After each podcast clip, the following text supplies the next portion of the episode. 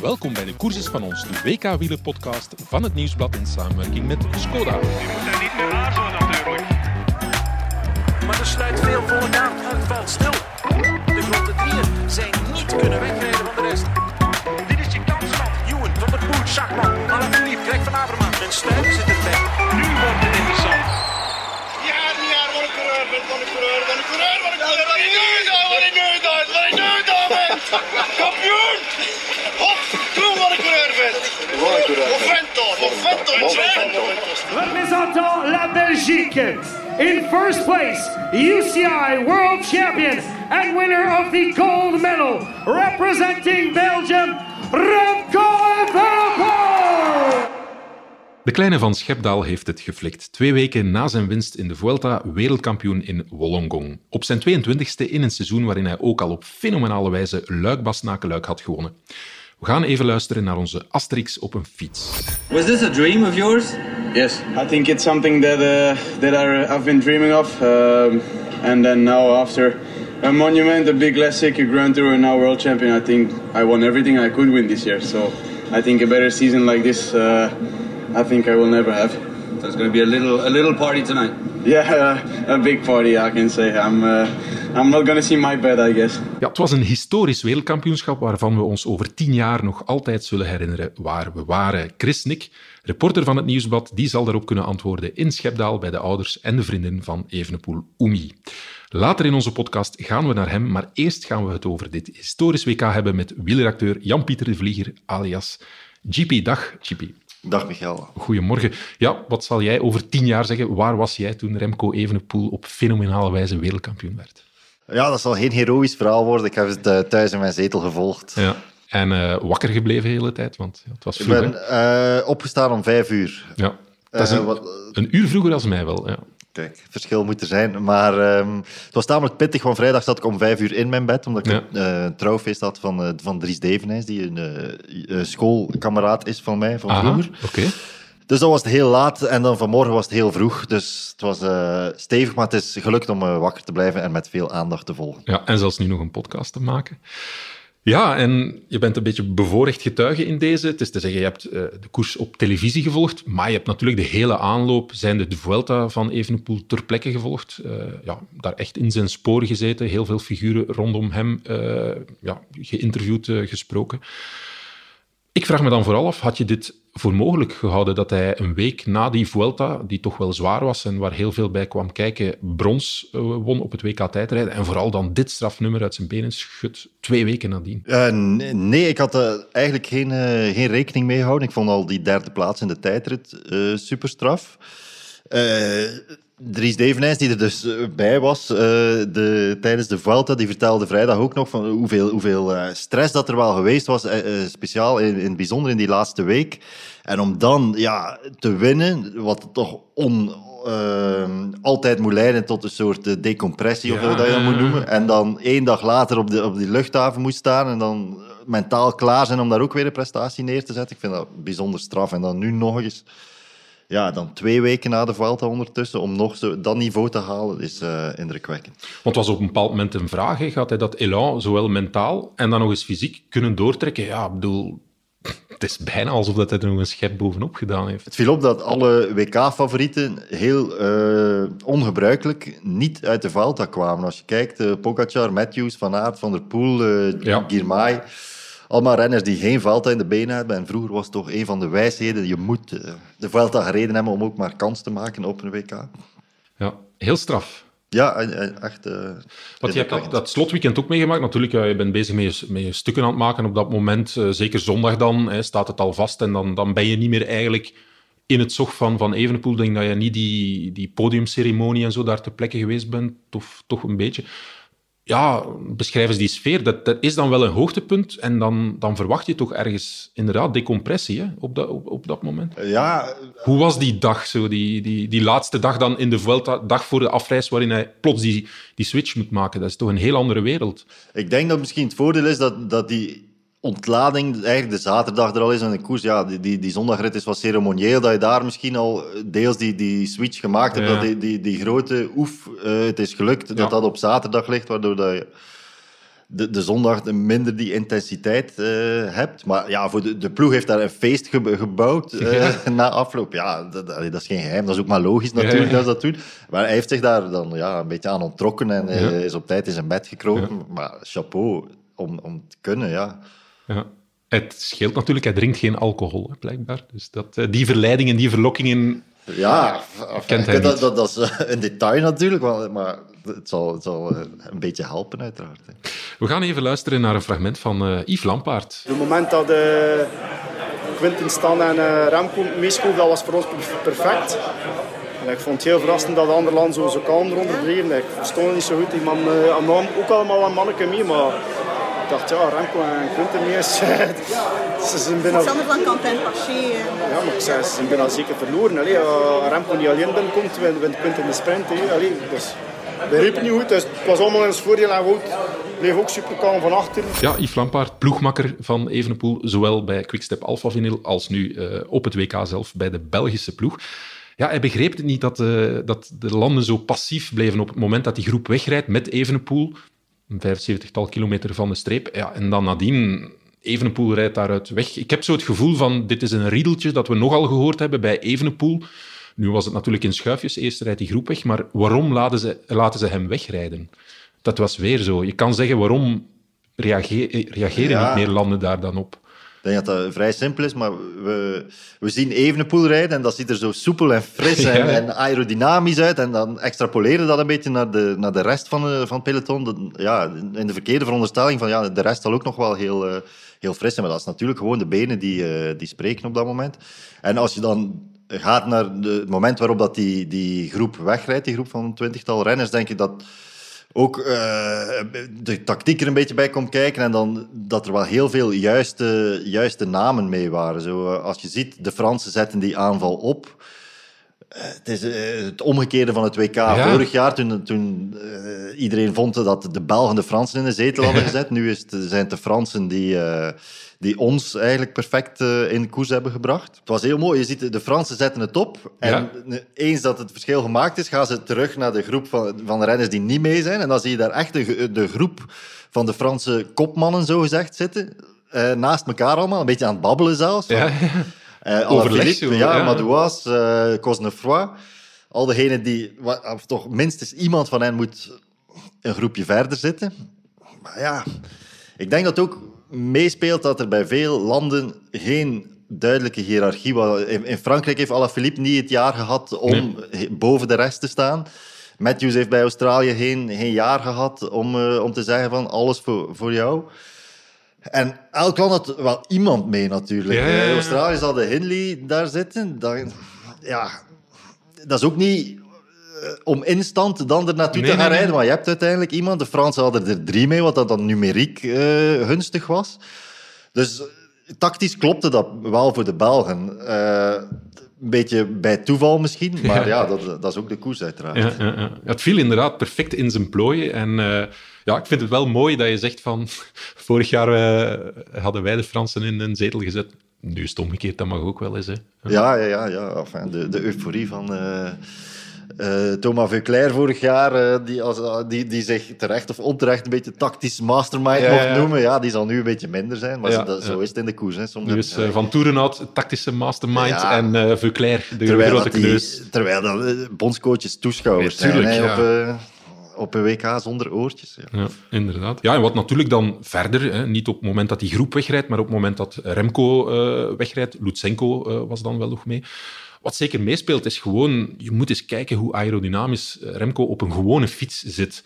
Hij heeft echt ook die perfecte hoek van 90 graden van zijn, zijn armen. Dat is eigenlijk hoe je op een tijdritsfiets zit. En er zijn weinig renners die dat zo comfortabel, zo goed kunnen op een gewone fiets. Je moet ook naar de positie van het hoofd kijken, dat echt in een perfecte stroomlijn met de rug ligt. Ook dat is echt iets wat doet denken aan een tijdritfiets. Er zijn weinig renners die zo aerodynamisch op een fiets zitten.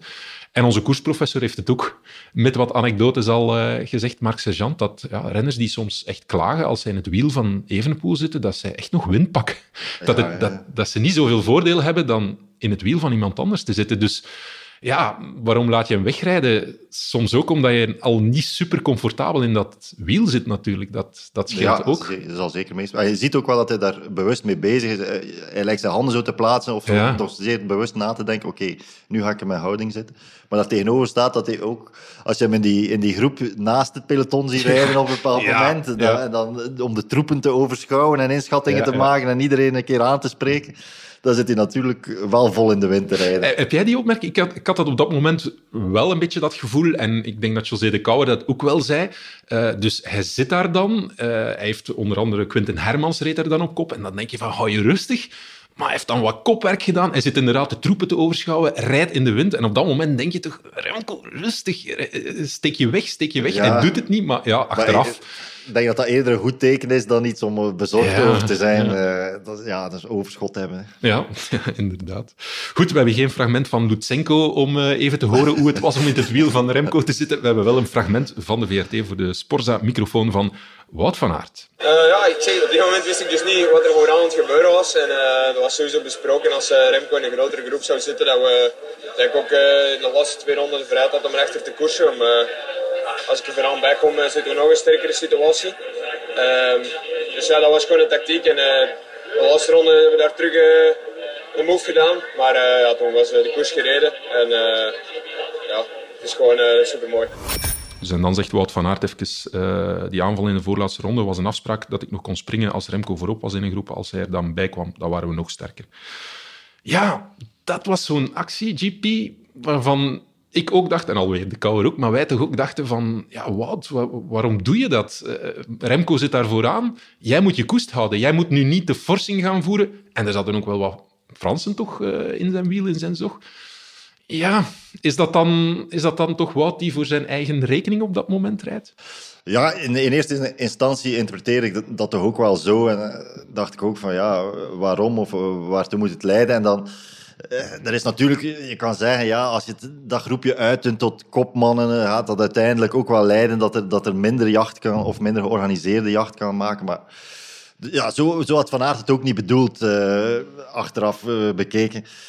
Dus ja, het was geen handige actie, eh, denk ik. Maar je moet opnieuw eh, rekening mee houden dat eh, een WK is zo Noord-Korea. Het is geen, eh, geen betrouwbare informatie beschikbaar.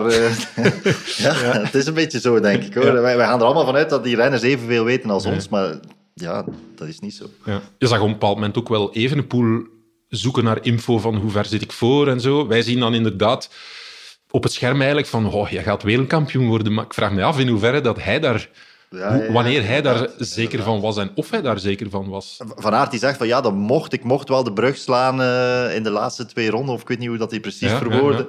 Ergens kan, kan ik dat ook wel plaatsen. Een bondscoach moet eh, een soort verhaal vertellen waarin dat Van Aert en, en eh, Evenepoel niet elkaars vijanden worden. En waarin dat, dat, dat de ene niet vindt dat de ander tactisch bevoordeeld aan de start komt. Of dat hij het initiatief meer bij de andere ligt dan bij hem.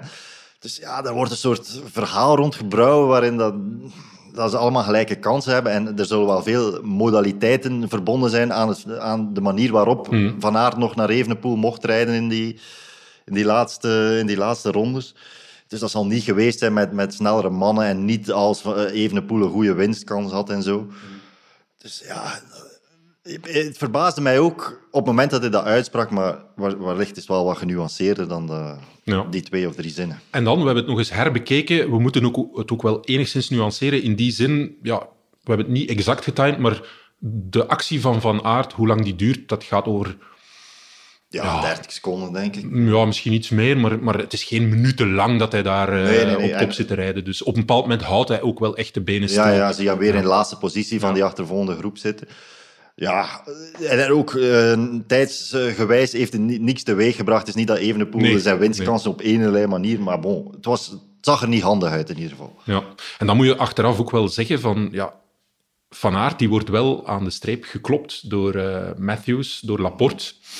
Dus dan zijn we wel blij dat we Evenepoel hebben. Hoewel Van Aert dat ook enigszins nuanceert en zegt, ja, ik wist niet exact of ik nu voor de tiende of de, de, de derde, tweede plaats aan het spurten was. Dat kunnen we ook wel... Allee, als hij echt voor de wereldtitel spurt, misschien kon hij wel iets meer, maar hij wordt wel geklopt door twee mannen. Dat is ook niet geruststellend achteraf. Eh, Ja. Nee? Ik denk dat je gelijk hebt, maar ik vind dat moeilijk om, om, dat, om dat helemaal in te schatten. Of dat, eh, Ja. of dat, effectief ja, als, als die dacht van ja, het is voor plaats 15. Ja. Jij gelooft dat, stel dat er een scenario is waarin Wout van Aert voor de wereldtitel spurt, dat de uitkomst misschien anders is van die spurt. Misschien, ik vind, ik vind het moeilijk om daar eh, een sterke mening over te hebben. ja. We zien ook een beetje zo ehm, Van Aert, Evenepoel als zero sum. Hè. Als de ene wint, verliest de andere. Terwijl dat, dat, niet zou mogen dat we daar Ja. met die bril naar kijken. Ja. Eh, maar het is bijna onvermijdelijk. Het is bijna onvermijdelijk en het zal misschien zich nog een aantal jaren herhalen. Hè? Want ja, Ja, vorig ja, ja. jaar ging het daarover. Mhm. Nu gaat het daarover. En ik denk dan, ja, het volgende WK... Ik vind het wel heel handig, want ik, ik keek wel uit naar hoe gaat Van Aert nu eh, de eerste interactie tussen Van Aert en Evenepoel na de finish. Want ja, uiteindelijk, de ene wint en de andere is wel blij. Maar Van Aert ontmijnde dat wel goed door dat Ja. grapje te maken of te zinspelen op de, op de uitspraak van Johan Museo. Van, Ja, eh, dus wat, wat is dat dan? Eh, ja, Johan Museeuw die ik op kan een niet pad... met eh, Ja. op de manier hoe dat Museo gedaan heeft, maar heeft Remco Evenepoel, is Remco, e, Rem, Remco Evenepoel al door het ijs gezakt? Nee. Nee, ja, het is een beetje, mm, ja, laten we zeggen, een, een Ja, die, die op sociale media, Een meme mensen moeten dat is, maar, eh, maar opzoeken, inderdaad eh, gaan leven is. En Van Aert verwees daar onmiddellijk naar. En inderdaad, dat ontmijnt het wel goed. Dat, op zich was, is dat wel goed, hè? zo met een kwinkslag, Ja, met humor. Kan je Van dat- Aert heeft eh goede social skills in eh, alle omstandigheden. Ja, dus hij heeft dat inderdaad op die manier heel goed ontmijnd. Je gezin is net als een wielerploeg. We moedigen elkaar aan. En we weten dat we met de tips van onze ploegleider we alle kansen hebben om echte kampioenen te worden. Skoda, supporter van de grootste fietsfamilie. Ja, we hebben het daarnet al gezegd. eh, Verclair die was het tactische genie vorig jaar, omdat zijn renner de, de koers wint. Ehm, ja, Van Toerenhout die, eh, die zal nu ook een goede bondscoach zijn, omdat zijn renner wint. ja. Ja, maar ik vind de afweging of is het een goede bondscoach of geen goede bondscoach, dat is bij WK's bijna of dat goede logistieke managers zijn of niet. Ja. Of goede communicatieve managers zijn. Benoot zei dat ook, dat, dat eigenlijk dat wij dat veel te weinig ophameren en dat dat voor een renner heel belangrijk is. Namelijk, het is niet evident om die logistiek goed te krijgen. En blijkbaar is- men daar wel lovend over bij Ja, Van Toerenhout. dat denk ik ook. En bon, communicatie meestal ook wel oké. Eh, soms hoor je daar ook wel een keer iets, eh, een, een eh, onvertogen woord over. Maar ehm, ja, het is, het is gunstig. Het, zijn draagvlak wordt breder met medailles. Ja, dat dat ja. is zo. Terwijl dat, dat, dat, hetgeen is dat hij misschien het minst zelf in, Ja. handen heeft, maar dat is het examen uiteindelijk. Dus dat, dat is goed, als we ervan overtuigd zijn dat eh, Van Toornout een goede Belgische bondscoach is, wat ik wel persoonlijk denk, dan is dat goed dat hij, eh, dat hij die wereldtitel heeft.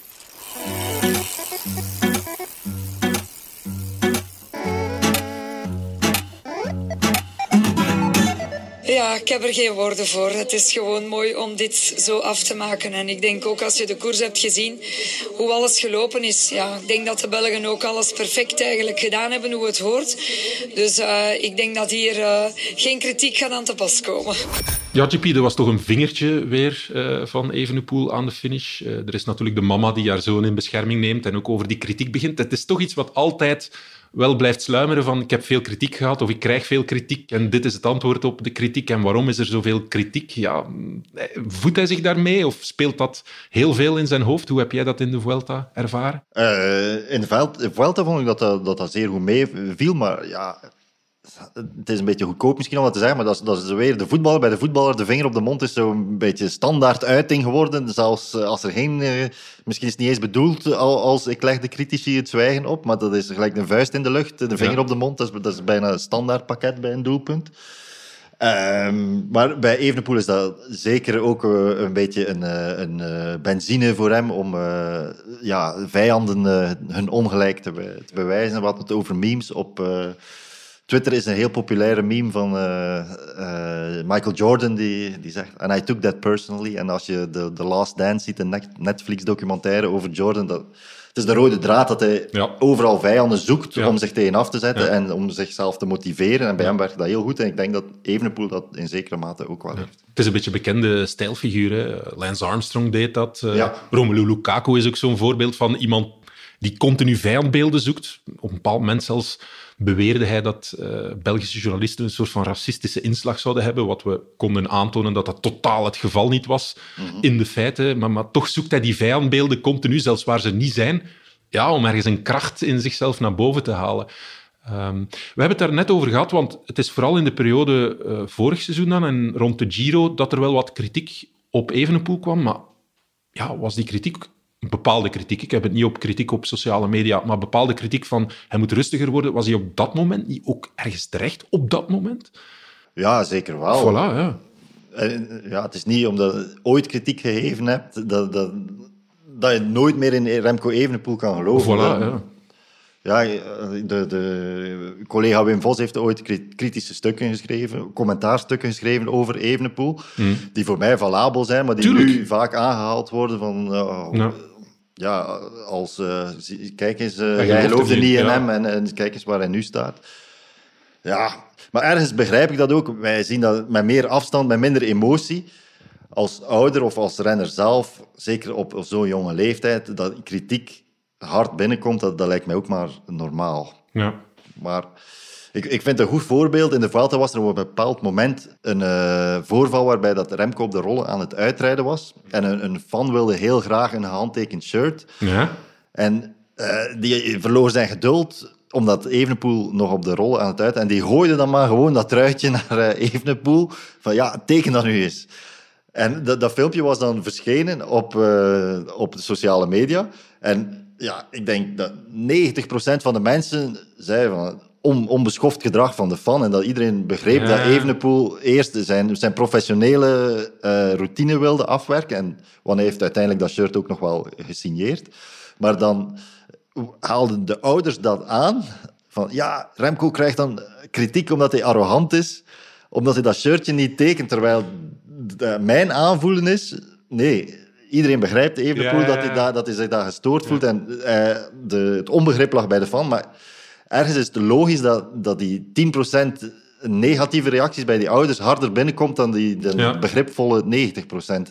En ik denk dat dat, dat, dat vaak eh, zo werkt en dat je daarom soms ook op, op eh, een andere golflengte zit als buitenstaander dan als eh, familielid of als Ja. renner zelf. Ja, ergens zou je zeggen, lees het allemaal niet meer. Maar ja, dat is makkelijk gezegd natuurlijk. Ja, Het ja, komt toch tot bij jou. En dat komt inderdaad hard binnen. Hè. Als dat echt over jouw zoon gaat. ehm, ja, stel je voor dat jouw zoon binnen 20 jaar kritiek Ja, ja, krijgt, eh, natuurlijk. Jan-Pieter. Eh, ah, ja, niet- niemand moet dat proberen, maar eh, Ja. ja, ik begrijp dat wel, dat dat ongelooflijk moeilijk is. eh. Jij zal hem leren dat hij dan de vinger op de mond moet Ja, leggen op het moment dat hij... Maar ehm, blijkbaar is er ook wel op, ge- op gewerkt met de psycholoog van de ploeg om dat vijandbeeld toch een beetje... Ja, is dat zo? Ja, ja, ja. Om dat niet te gaan overdrijven, om een Ja. andere motivatie te zoeken dan die motivatie. Ja. Ik vind dat soms ook, want dan, ja, dan ben je word je daar wel afhankelijk van. En dan wordt het soms bijna potsierlijk, zoals bij, ja, met alle respect, ik heb niks tegen Lukaku, maar bij Lukaku dat je het, ja, dat als het er niet meer is, dat je het bijna gaat zoeken op een manier die krampachtig wordt, ook voor jezelf. En het is, het is ook altijd sterker als je een soort van intrinsieke motivatie hebt die niet afhangt van krijg ik nu kritiek of niet. Dan kan je eigenlijk altijd opladen. Dus ik vind dat wel een goede reflex van de ploeg, blijkbaar, dat ze daar dan mee bezig zijn. ja, zijn. Ik, ik, ik wist dat niet, GP. Ik vind dat, ik vind dat wel eh, dat dat voor Quickstep spreekt, dat ze daar ook mee bezig zijn, met dat soort details. Ja, eh, ik baseer mij op iets dat de, de, de persman zei. Van, ja, eh, Remco heeft gewerkt met eh, de sport psychologist. En specifiek dan over eh, niet iedereen heeft het op u gemunt. Die zal maar een wereldkampioen Ik denk trouwen. eh, in Madrid direct Ja. doorvliegen naar Australië. Valt het al? herstellen van de Vuelta en vooral Nee. ja, lichtere trainingen doen. Twee goede dan afgelopen gewoon- week. Ik denk dat Dat eh, ik- ik ben gewoon blij dat ik met mijn jeugdlief kan trouwen. En solo. dat we... Ja, we hebben naar gekeken. Dus- Heel Wereldkampioen niet, Ja. is uw jeugd. Ja, inderdaad. Wanneer zien jullie elkaar terug? Eh, hopelijk eh, op de luchthaven als hij landt. Wanneer komt dit terug? Eh, dinsdag, dinsdag normaal wel terug. Ja, Oemi, eh, de, de vriendin van Remco Evenepoel. Ze kennen elkaar al 14 jaar. En ehm, ja, jullie hebben in hetzelfde hotel geslapen in de Vuelta op een bepaald moment. En daar hing toch, misschien moet je het nog eens even kort in herinnering brengen, een anekdote aan die voor mij wel veelzeggend was over hoe zij als vrouw naast Remco Evenepoel staat. ik denk dat we vooral niet mogen, niet mogen overdrijven. Ja. Maar nee, ze, ze droeg een mondmasker, wat dat wel pleit voor haar eh, professionaliteit in ieder geval. Ja. Ze droeg een mondmasker ook aan het ontbijt. Ja, in, in een allee, een setting waarin dat niet evident was, want ze was bij het ontbijt de enige, of eh, bijna de, quasi de enige. En dan, om dat toch even te kaderen en om even te zeggen waarom ik dat zo'n straffe anekdote vind. Ik ga geen namen noemen, maar ik was in de Tour. En in de Tour heb ik bij bepaalde ploegen waar er eh, stevige COVID-protocollen waren, eh, op een bepaald moment wel gezien dat met eh, vriendinnen van renners, eh, die zich dan helemaal daar niet aan hielden, met andere vriendinnen op stap waren en dan hun echtgenoot gingen begroeten ja, op een niet-COVID-safe manier. Dus in die zin vind ik het dan wel straf dat, dat Oemi ook achter de schijnwerpers, op het moment dat ze gewoon ergens in een hotel aan het ontbijtbuffet staat, toch haar mondmasker draagt. Dat kan evident klinken, maar ik vind dat niet. En dan ja, is ze toch wel ook enorm met die carrière bezig, blijkbaar. eh. ja, vond ik wel een sterke anekdote. Goed. En als ik nog eens naar het trouwfeest van vrijdag mag eh, refereren. Ja, ik, ik, weet, ik ken Oemi niet en geen enkele eh, ambitie om te- hun relatie onderling in te schatten of zo. Ja. Maar Nathalie, de vrouw van, van Dries, vertelt wel dat een, een zeer kordate, verstandige dame is. Want er was dus zo'n half incident waarbij dat de rennersvrouwen niet tot bij de mannen mochten aan de, aan de finish in eh, Madrid. Maar de Guardia Civil hen tegenhield. En dan Oemi eh, was blijk- blijkbaar zeer eh, kordaat. En dat was er voor haar een oplossing gevonden. Maar wilde ze niet als enige toegelaten worden. Wilde ze zo, ja. samen met de andere vrouwen alleen maar tot bij de bussen gaan. Dus dat, dat pleit zeker ook voor haar. Maar verder... Ja.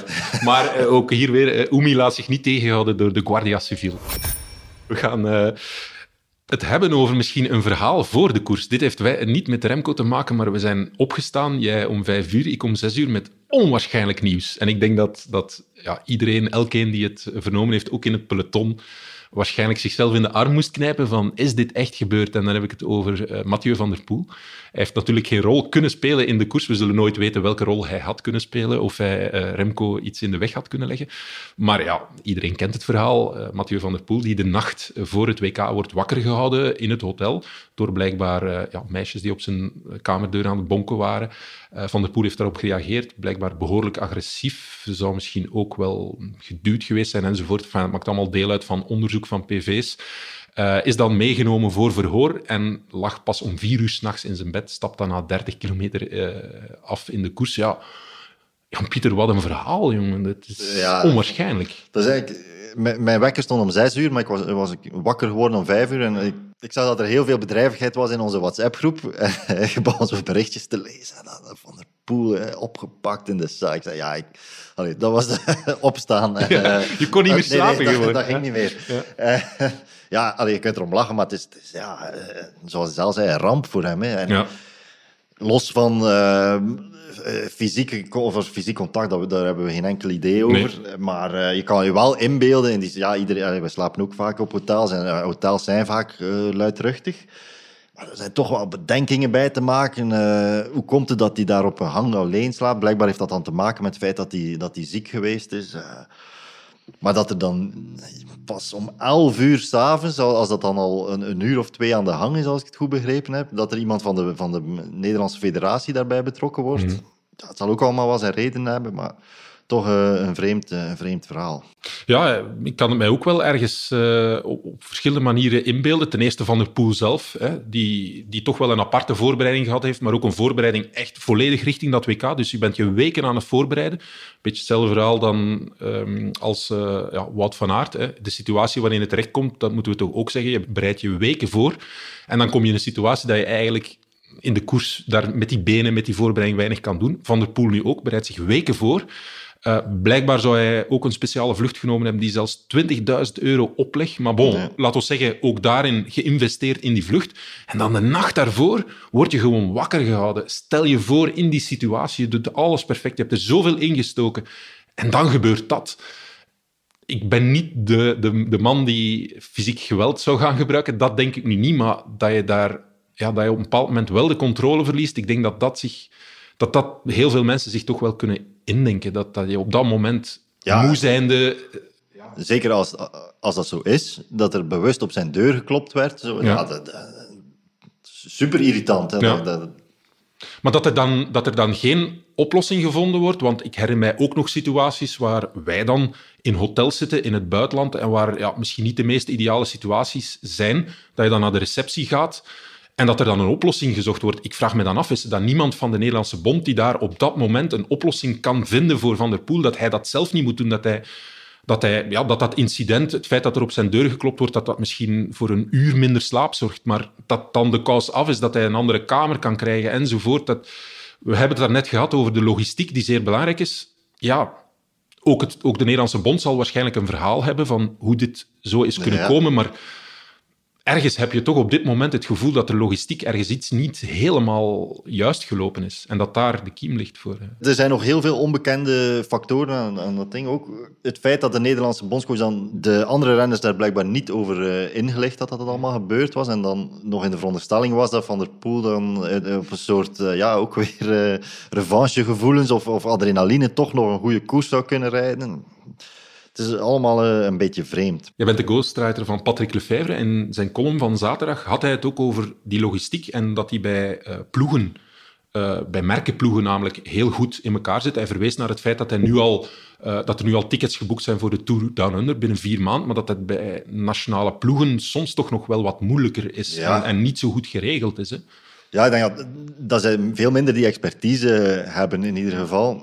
Ik, ik weet niet of dat, of dat, klopt, maar misschien heeft het ook gewoon te maken met het feit dat, dat teams ehm, ja, veel meer routine hebben. Hè. Dat zijn altijd, die volgen grotendeels hetzelfde, hetzelfde, dezelfde programma's en daar zijn echt draaiboeken voor hoe dat, dat logistiek allemaal moet, moet aangepakt worden. Eh, bij federaties is het natuurlijk eh, veel meer afhankelijk van toewijzingen van, van, eh, van WK's en is elk jaar een andere context. En misschien is het ook eh, een feit van personeel. Ja, de, ik denk dat de Belgische bond nog wel wat mensen op de loonlijst staan, maar er zijn federaties Ja. dat, dat super beperkt. Natuurlijk, Frankrijk, dat, dat, dat een renner zijn fiets, dat daar geen reserva- reservatie voor gemaakt is, ja, dat, eh, dat is wel basis. eh. Ja, ik kan daar ook over getuigen. En ik spreek over de periode dat ik het wielrennen nog, nog echt als reporter dagdagelijks volgde. Dat, dat je gewoon ziet, en pas op, daar, eh, dat is geen depreciatie of zo, maar dat je ziet dat rond die federaties nog heel veel vrijwilligers rondlopen. Hè. Ja, ja. Mensen gewoon met een hart van de koers, die eigenlijk gewoon om erbij te zijn en waarschijnlijk voor geen loon of, of een vrijwilligersloon dat allemaal doen. Ja, dat is natuurlijk iets anders dan dat je daar professionals Ja. voor hebt. Voor heel veel zelfs de professionals, het is altijd een soort samengestelde groep. Ja, Hè, van ja. Een beetje van, van, van Quickstep en dan nog een paar van, eh, van Jumbo-Visma. Allemaal on- zonder twijfel zeer capabele mensen, maar die niet gewoon zijn om met, met elkaar te werken. Ja. Tish Benoot had het er ook over dat hij, en daar gaf hij alweer een pluim aan eh, de bondscoach aan Sven van Toornhout, dat dat nu allemaal vrij goed geregeld is, maar dat in het verleden met drinkbussen en dergelijke meer, dat hij zei, ja, je kreeg een drinkbus in je hand en dan moest je echt proeven van wat zit daarin. Krijg ik mijn merk van Ja, ja, ja. eh, sportdrank of is het water of zo? Dat dat in het verleden blijkbaar op dat niveau eh, gebeurde, zelfs bij, bij, bij profs. Dus dat geeft toch wel ergens in, een inkijk van... Wij denken van, ja, dat is het WK, dat is het Zoom, maar dat daar toch heel veel minder professioneel verloopt dan bij de merkenploegen. En, Ja. enfin, eh, er zal nog heel veel inkt over vloeien, maar dit is, dit is toch een onwaarschijnlijk verhaal. Ja. Overschaduwd uiteraard door Remco Evenepoel, maar op het moment dat Evenepoel eh, nog niet uit zijn sloffen schoot, was, was Van der Poel toch het gespreksonderwerp. hè. Ja, d- er, er is allemaal veel eh, onheil overvallen op, eh, op grote afspraken. Eh, Het plankje op, eh, op de Olympische ja. Spelen en de, de, de lekke banden in, eh, op de WK veldrijden in Luxemburg, denk ik dat was. Maar ja, Dit dat, slaat alles. nee, dat hij Dit de wordt toch niet zitten, meer eh, overtroffen, hè? Nee, eh, ja. Eh, Chapeau voor Renaat Schotten, die dat dan, oh, zoals ik nu kan inschatten, dan toch vrij snel van op de hoogte was. En ook wel de juiste vraag stelde, zowel aan Mm. Mathieu van der Poel als eh, Christophe Roodhoofd. En goed dat ze er open kaart over speelden, maar eh strafverhaal. Jan-Pieter, we staan nu voor een bijzonder seizoen. Een seizoen van Remco in de regenboogtrui. Johan de Munk had er na- tijdens de Vuelta eigenlijk nog op gehint en zei van ja, misschien zou dat wat... Johan de Munk, de laatste grote Belgische rondewinnaar voor Remco Evenepoel, de Giro van 1978. We zijn ooit bij hem geweest. Fantastische man. Ehm, en hij zei van, ja, ik hoop eigenlijk dat Remco nog geen wereldkampioen wordt, want dat gaat misschien te vroeg komen op zijn 22e heel seizoen in de regenboogtrui. Oh ja, ik heb nu toch zoiets van, dit is zo'n mooi verhaal, maar we gaan Remco een heel seizoen in de regenboogtrui zien rijden. voor een 22-jarige gast, ja, hoe gaat dat zijn? Dat, dat, ja, dat staat toch echt een heel mooi seizoen eh, voor de boeg. Ik, ik denk dat ook. Ik denk dat zijn schouders eh, zeker sterk genoeg zijn om dat te dragen. Ja, daar, komt no- natuurlijk nog wel een keer een laag bovenop met een wereldtitel, maar hij is natuurlijk al de, de, de Vuelta-winnaar. Het is, het is niet dat hij van, eh, van niks naar alles gaat. Hè. Het is van al heel veel naar alles. Nee, ik verwacht wel dat hij... Ook voor, voor hemzelf, zijn grote ambitie is altijd geweest om de beste te worden in sport. Was nu als voetballer of eh, als, als wielrenner. En ja, je kan geen eh, grotere uiting hebben van jij bent de beste dan, eh, dan trui van wereldkampioen. Dus ik kan me ook wel voorstellen dat het voor hem eerder een, een soort eh, rustgevend iets zal zijn dan een stresserend iets. En ja, dat er meer naar hem gekeken zal worden, dat, dat, dat is ook geen, geen item natuurlijk, want iedereen allee, is altijd op zijn hoede voor, voor, Ja. Evenepoel. En we hebben het daarnet al aangehaald. Als hij wegrijdt, is het echt niet omdat anderen hem laten Ja. wegrijden. Het is niet dat ze hem nu makkelijker gaan herkennen met zijn regenboogtrui. Van, ah, dat is Remco, nu, nu gaan we hem niet laten rijden, want Ja, hij rijdt in de regenboogtrui. Nee, Ja. dat gaat niet En jij gelooft ook, want ja, je hebt die metamorfose wel een beetje meegemaakt tussen de Remco in de Giro, zeg maar, en dan de Remco in de Vuelta. Je gelooft dat hij ook in staat gaat zijn om mentaal daarmee om te gaan met die wereldtitel, met die aandacht daar rond, met alles. Ja, ja, ik denk dat wel. Hij heeft graag aandacht en dat is niet negatief bedoeld, maar hij, hij- hij geniet daarvan, om, wat ik daarnet zei, omdat dat een soort bevestiging is van zijn status als toprenner. En ja, ik vind daar niks verkeerd mee. Hij praat makkelijk met de pers, hij praat lang met de pers. En, Ja. ja, ik vind dat hij dat goed aanpakt. Ja. Gaat die regenboogtrui nu mee in de discussie? Moet hij volgend jaar de Giro rijden of de Tour? Gaat dat nu nog meer een argument zijn om te zeggen van ja, als hij dit kan, eigenlijk het kruim van het wielrennen kloppen, waarom zou je dan zich niet meten in het rondewerk met het kruim, namelijk de Tour? Denk je dat dat mee in de discussie gaat of, of, of gaat dat denk dat weinig spelen? Nee? niet. Lefevre zei wel altijd, Alaphilippe in een regenboogtrui, die kunnen niet uit de Tour houden, Ja. maar dan spreek je over een Fransman. Ja, ik, nee, ik denk niet dat dat een bijkomend element is, eerlijk gezegd. Nee. En wat is jouw mening daarover? Eerder Giro? Of? Ik heb daar niet zo'n uitgesproken mening over, maar ik zou denken dat de Giro beter is, omdat je dan, ja, in de Tour is dan het allergrootste examen. Maar heeft hij vandaag niet bewezen dat hij Ja, dat ja kan? het, het is, het is niet dat ik denk dat het komt te vroeg voor hem of zo, maar ik vind eh, gewoon het, eh, het narratief Evenepoel bijna nog een, een, een episode ervoor zou als eh, voor, voorsmaakje. Dat, eh, meer in dat opzicht zou- vind ik Het genot uitstellen ja, van een soort eh, tantrische ervaring. Ja, ja. Nee, het is hier, omdat ik vind dat er... Ja, het is niet dat hij niet klaar is voor de Tour. Dat kunnen we niet beweren. Hè. Het Nee. is de wereldkampioen die de Vuelta heeft gewonnen. Ja. Uitstel van genot. Dat vind ik een heel mooie gedachte. We zijn wel blij dat we vandaag echt hebben kunnen genoten. Een soort van eh, orgiastisch genot al gehad hebben vandaag. Voilà. Goed, we gaan eens luisteren naar een man die zeker en vast ook in een soort van orgiastische sfeer heeft gestaan. Eh, Chris Nick in Schepdaal. Ja, Michael, het was iets voor zes toen ik eh, Schepdal binnenreed. En wat wel opviel was dat er eh, her en der toch licht aan het branden was bij mensen thuis. Dat die zag dat de tv opstond. Dus voor veel mensen in Schepdal was het een korte nacht. Ehm, ook voor die van Café in de Rustberg, het supporterslokaal van eh, Remco Evenepoel, dat eigenlijk vlakbij zijn huis en dat van zijn ouders is. Om zes uur gingen de deuren daar open en stond er toch al eh, een, een man of dertig ehm, op het gemak, koffietje te drinken. Er kwam ook een kabinetje toe van eh Pleisterwerken Evenepoel. Eh, Patrick Evenepoel, papa van, die boterkoeken kwam leveren. Ehm, en wat ook opviel, is dat na die boterkoeken ja, er toch al overschakeld werd op iets sterkers. Ik denk dat ik om kwart na zes het, het eerste pintje op tafel heb zien verschijnen. Ehm, Daarnaast even eh, betrekkelijk rustig gebleven. Wel eh, deed ik ook een praatje met, eh, met Patrick. Die vertelde over dat ze hoopten, over dat Remco ook kort voor de koers nog gehoord had. Een vuistje had gestuurd via WhatsApp. Ehm, maar ja, dat een WK natuurlijk, altijd gereden moet worden. En ja, als er een paar vertrekken en, en hij is niet mee, hij mist de trein, ja, dan, dan ligt het in de, in plooien is het voorbij. Hè. En toen, ik denk moet iets van een half acht geweest zijn, een kilometer of zestig of zo. Dan, dan is de sfeer toch eh, ja, wat meer gespannen gekomen. Toen eh, papa Remco riep, daar is hem, daar is hem. eh, zoals Rick de Saarleer in zijn, in zijn beste jaren. Remco aan kop van het peloton. En dan ja, voelde je zo de spanning omhoog gaan tot, tot het einde van, van de koers eigenlijk. Ehm, toen ze plots van het peloton toch dreigden terug te komen, waren er aan het roepen, oh, gooi daar punaises, gooi daar punaises. Ik weet niet of ze het in, in Australië gehoord hebben, maar ik denk het niet. Ehm, en dan ja, het, het grote feest. Hè. Eh, vanaf hij over de meet reed, dan was het, eh, ja, dan was het eh, party al op. UCI World Champion and winner of the gold medal, representing Belgium, Remco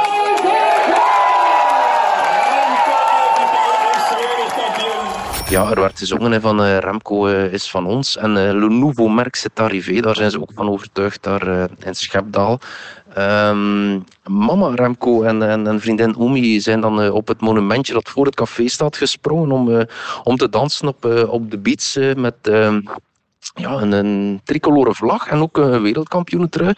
En binnen, binnen was er toch even een beetje nervositeit. Ik hoorde de cafébaas bezig dat hij naar de brouwer aan het bellen was voor vijf vaten bier. Ze hadden te weinig en ook een, een extra tapinstallatie, want de man vreesde dat de tap het einde van de dag niet zou kunnen halen. Ja, het was dan ook nog maar tien uur s ochtends en buiten stonden er intussen honderden, honderden mensen. Ik denk dat dat feestje toch eh, tot s'avonds laat zal, eh, zal doorgaan. Ehm, geen idee of ze naar voetbal zullen kijken en of ze het morgen nog zullen weten. Ziezo, een historische podcast hebben wij vandaag gemaakt. De wereldtitel van Remco Evenepoel. Het zal ons nog heel lang heugen en we gaan met die kleine kerel nog heel veel eh, plezante momenten beleven, denk ik. En wij zullen daar ook zoveel mogelijk proberen bij te zijn met De Koers is van ons, de wielerpodcast in samenwerking met Skoda. Heel graag tot de volgende afspraak.